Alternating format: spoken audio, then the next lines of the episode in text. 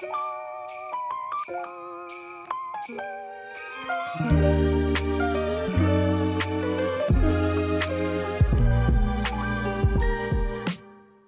bij Roma Norte, de podcast die je wegwijs maakt als je het noorden wat kwijt bent en je begeleidt in je innerlijke reis naar persoonlijke groei. Ik ben Michelle Lippes van Drive Coaching en als selfcare expert en stress- en burn-out coach leer ik je te ontdekken hoe je veerkrachtig door het leven kan gaan. Ik nodig je uit op een avontuur waar zelfzorg, zelfliefde en zelfleiderschap jouw ankerpunten zijn. Dus, als jij nood hebt aan dat duwtje in de rug dat je voedt met moed, tonnen positiviteit en zelfvertrouwen, dan ben je hier op het juiste adres. Sta open voor nieuwe inzichten, zelfreflectie en aha-momentjes terwijl je luistert naar Rombo Norte.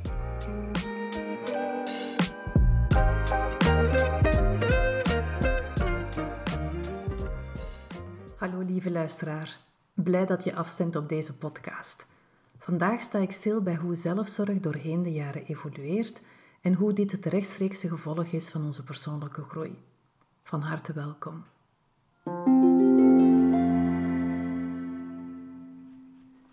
Wanneer je nieuw bent in het leren om goed voor jezelf te zorgen, dan voelt het alsof je in een ruimte zit vol met mensen die een raar taaltje spreken. Journaling, selfcare routines, grenzen bewaken, dankbaarheid, meditatie, mindfulness. Ik kan me inbeelden dat voor een buitenstaander dit zelfs zweverig klinkt, maar niets is minder waar. Al die nieuwe woorden en de bijhorende acties voelen in het begin vaak onwennig en misschien zelf geforceerd aan. Het kost jou moeite om te kunnen inbeelden dat je je dag begint met yoga, meditatie of andere zaken die bij zelfzorg horen. Van de talrijke zelfcare die er zijn, is het goed om te weten dat niet elke tip voor jou van toepassing hoeft te zijn. Bekijk het eerder als een groot buffet vol nieuwe gerechten waar je van al die zaken eens mag proeven. En aan jou om te bekijken wat jij lekker vindt en wat niet. Wat wel eens vaker gebeurt en wat eigen is aan de beginfase van zelfzorg, is dat het vaak geassocieerd wordt met jezelf te trakteren. Omdat selfcare nu zo populair geworden is, zien heel wat magazines en handelaars hier een lucratief model in. Bij het verkopen van selfcare pakketjes vol dure en exclusieve producten of verwenpakketjes ligt het accent vaak op gun jezelf dit geschenk. Echter, er is een heel groot verschil tussen jezelf een geschenk geven of investeren in jezelf. Misschien is dit voor jou al een grote stap om jezelf een cadeau te mogen geven of in jezelf te investeren. Maar wees je ervan bewust dat zelfzorgpakketjes, regelmatige massageboeken of een bezoek aan een wellness niet het enige is als het gaat om zelfzorg. Om de woorden van mijn favoriete selfcare-auteur Brianna Wies te citeren: If you find yourself having to regularly indulge in consumer self-care, it's because you are disconnected from actual self-care, which has very little to do with treating yourself and a whole lot to do with parenting yourself and making choices for long-term well-being. Vertaald, Wanneer je merkt dat je jezelf regelmatig verliest in de consumentenkant van zelfzorg, dan is het omdat je de verbinding met de ware boodschap van zelfzorg verloren bent. En die ware verbinding die heeft niets te maken met jezelf te trakteren. Maar het heeft wel heel veel te maken met jezelf op te voeden en keuzes te maken die bijdragen op lange termijn aan jouw welzijn. Toch kan zo'n uitgave voor jezelf al best een grote stap zijn. En vaak komen hier heel wat belemmerende overtuigingen naar boven, die je net tegenhouden om te investeren in jezelf. Dit merk ik heel vaak bij mijn klanten. In het begin gaat het vooral over wat gaat me dit kosten, wat logisch is, gevolgd door heb ik hier wel het budget voor. Maar na een tijdje merken de meeste van hen wel de meerwaarde hiervan en zoeken ze zelf naar manieren om het wel mogelijk te maken. Zoals Jen Sincero zegt, If you're serious about changing your life, you'll find a way. If you're not, you'll find an excuse. Mijn eerste zelfzorgdaad zonder het bewust te weten was me in te schrijven voor een opleiding om coach te worden. Dat was in 2016 en er zat toen wel een behoorlijk prijskaartje aan. Vandaag, nu ik terugkijk naar die ene investering in mezelf, weet ik dat het elke cent waard was. Deze opleiding heeft me geleerd om beter voor mezelf te zorgen en gaf me alle spiegels mee die mijn gebrek aan waardering en zachtheid voor mezelf reflecteerden. En dat had ik nodig om zo gespiegeld te krijgen en te beseffen dat dit zo niet verder kon. Maar nu even terug naar de beginfase van zelfzorg. Je kan het vergelijken met verhuizen naar een totaal nieuwe regio. Je verhuist van ik zorg goed voor een ander land naar ik zorg goed voor mezelf land. Mijn beginfase heeft ongeveer twee jaar geduurd. Al begreep ik in het begin nog niet goed wat het nut was van een selfcare routine, het hielp me wel om goede en nieuwe gewoontes aan te nemen. Zo luisterde ik bijvoorbeeld elke dag naar mindfulness oefeningen op de Calm-app. De beginfase liep bij mij samen met een herstelperiode van mijn burn-out. En misschien is dat voor jezelf ook heel herkenbaar. Structuur in mijn dag hebben was iets wat ik nodig had. Hier lag een behoefte en mijn zelfzorgroutine heeft me geholpen om te ontdekken waar ik net behoefte aan had. Gaandeweg leerde ik steeds meer kleine dingen aan het dagelijkse leven toe te voegen, mezelf uit te nodigen om kleine maar betekenisvolle zaken te mogen doen. Van wilde bloemen plukken tot inspirerende podcast beluisteren, tijd maken om te genieten van een tasje thee of koffie, zittend op een bankje in de zon, want het was zomer. Niets moeten te doen en dat laatste dat was voor mij heel moeilijk. Veel meer dan dat was het eigenlijk niet, zeker niet in die eerste maanden. Deze quote is heel toepasselijk bij deze fase van zelfzorg. You are worth the quiet moment. You are worth a deeper breath. You are worth the time it takes to slow down, be still, and rest. Na een half jaar begon ik hier en daar wat verbetering te merken. En ik was ervan overtuigd dat dit voor mij de weg was, maar dat ik ook nog heel veel te leren had. Toen kwam het er bij mij op neer om elke dag die nieuwe goede gewoontes te blijven toepassen, maar ook te blijven onderzoeken wat er nog allemaal meer mogelijk was. Er komt een moment waarbij je merkt dat jouw selfcare routine zijn nut heeft gehad en dat je het niet meer nodig hebt. Dat is het moment waar je je steeds beter kan verbinden met wat echt goed voor je is. En langzaam vloei je over naar de tweede fase van zelfzorg. De waardevolle elementen uit de beginfase die pas je inmiddels met gemak toe, zoals bijvoorbeeld een dankbaarheidsoefening of een meditatie. Misschien heb je af en toe wel eens een gentle reminder nodig, maar je weet inmiddels wat bijdraagt tot jouw innerlijke rust en wat je helpt om meer balans te vinden in jouw leven. Je staat ook meer open voor zelfreflectie en je vindt het normaal om jezelf vragen te stellen zoals: Hoe draagt dit bij aan mijn welzijn? Hoe geef ik mijn grenzen aan of waar mag ik nog meer mijn grenzen bewaken? Dit is de fase waarbij je weet dat een weekend binge-watchen dat het geen zelfzorg is, maar ook de fase waar je de quality time niet meer uit jouw agenda schrapt. Jij gaat op zoek naar manieren om het een deel te laten zijn van jouw leven.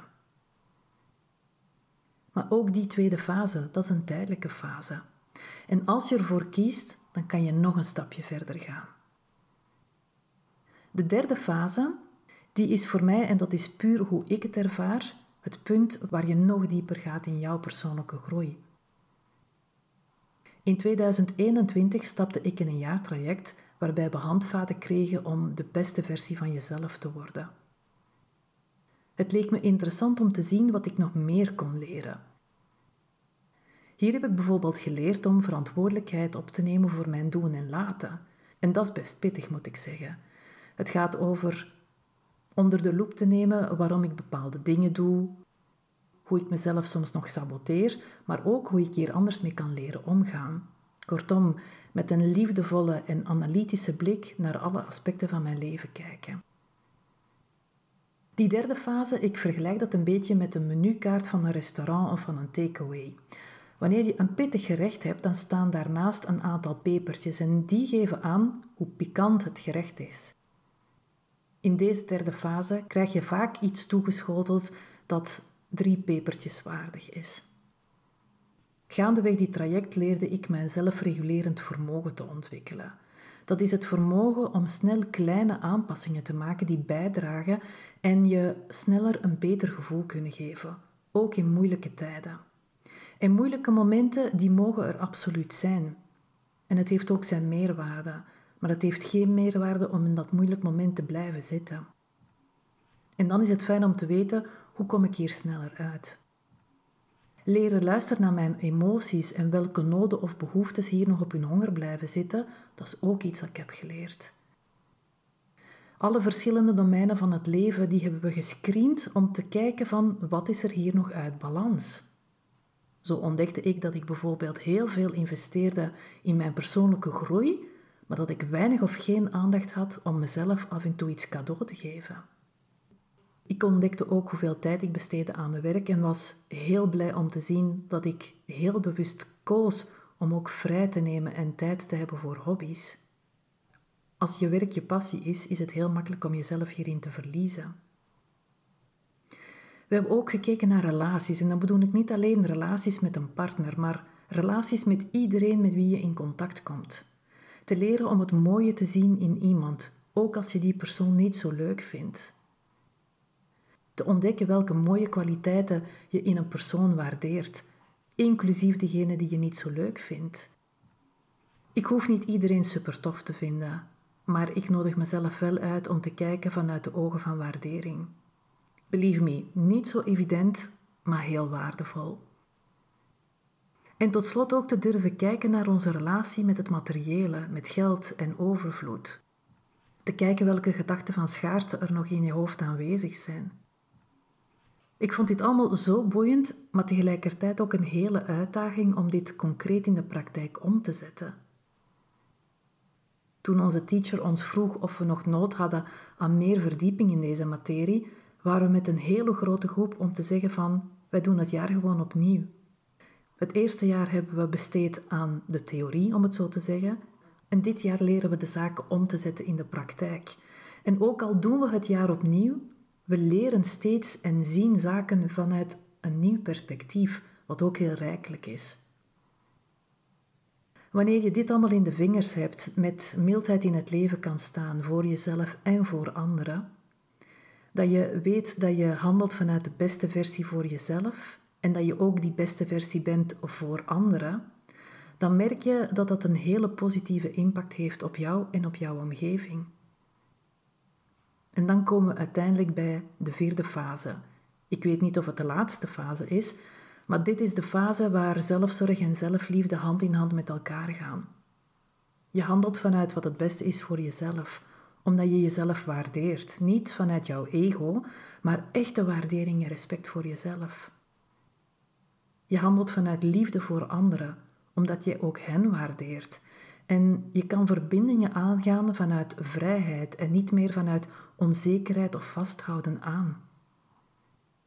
Je handelt vanuit diep vertrouwen, zonder je steeds zorgen te maken. En met een gerust hart te kunnen zeggen: het is allemaal oké. Ongeacht waar jij je ook bevindt in deze boeiende reis van het leven, geniet van elke stap. Make it count. Tot slot nog deze quote van Sue Perry Jones. Ze schrijft: Self-care the true self care we are striving for is not about buying ourselves things to make up for our unkindness, our lack of kindness, or the failure of our kindness. It's not a pendulum swing in the other direction to right wrongs. It speaks to the core of rebalancing our lives in the right order. Vertaald. Zelfzorg, de echte zelfzorg die we nastreven, gaat niet om dingen voor jezelf te kopen, om de onvriendelijkheid naar jezelf toe, het gebrek aan goedheid voor jezelf of het falen in goed zijn voor jezelf te compenseren. Het is ook geen slingerbeweging in de andere richting om jouw fout recht te zetten. Maar het spreekt tot jouw kern, het herbalanceren van je leven in de juiste richting. Met deze diepzinnige quote rond ik deze aflevering af en graag tot de volgende keer.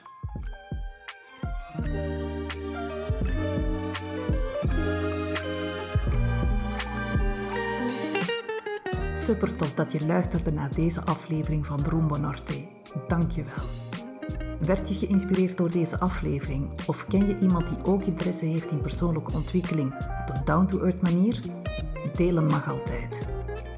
Laat een beoordeling of review achter op de app waarmee je naar deze podcast luistert, bijvoorbeeld iTunes. Het achterlaten van een review is heel eenvoudig. Scroll door naar beoordeling en recensie, geef een score en vertel waarom jij deze podcast leuk vindt. Zo maak je het mogelijk dat anderen de weg naar Rumbo Norte ook kunnen vinden. Oh ja, en als je graag wil weten wanneer er een nieuwe aflevering beschikbaar is, dan kan je je abonneren op deze podcast. Ik wens je nog een fantastische dag en graag tot een volgende aflevering.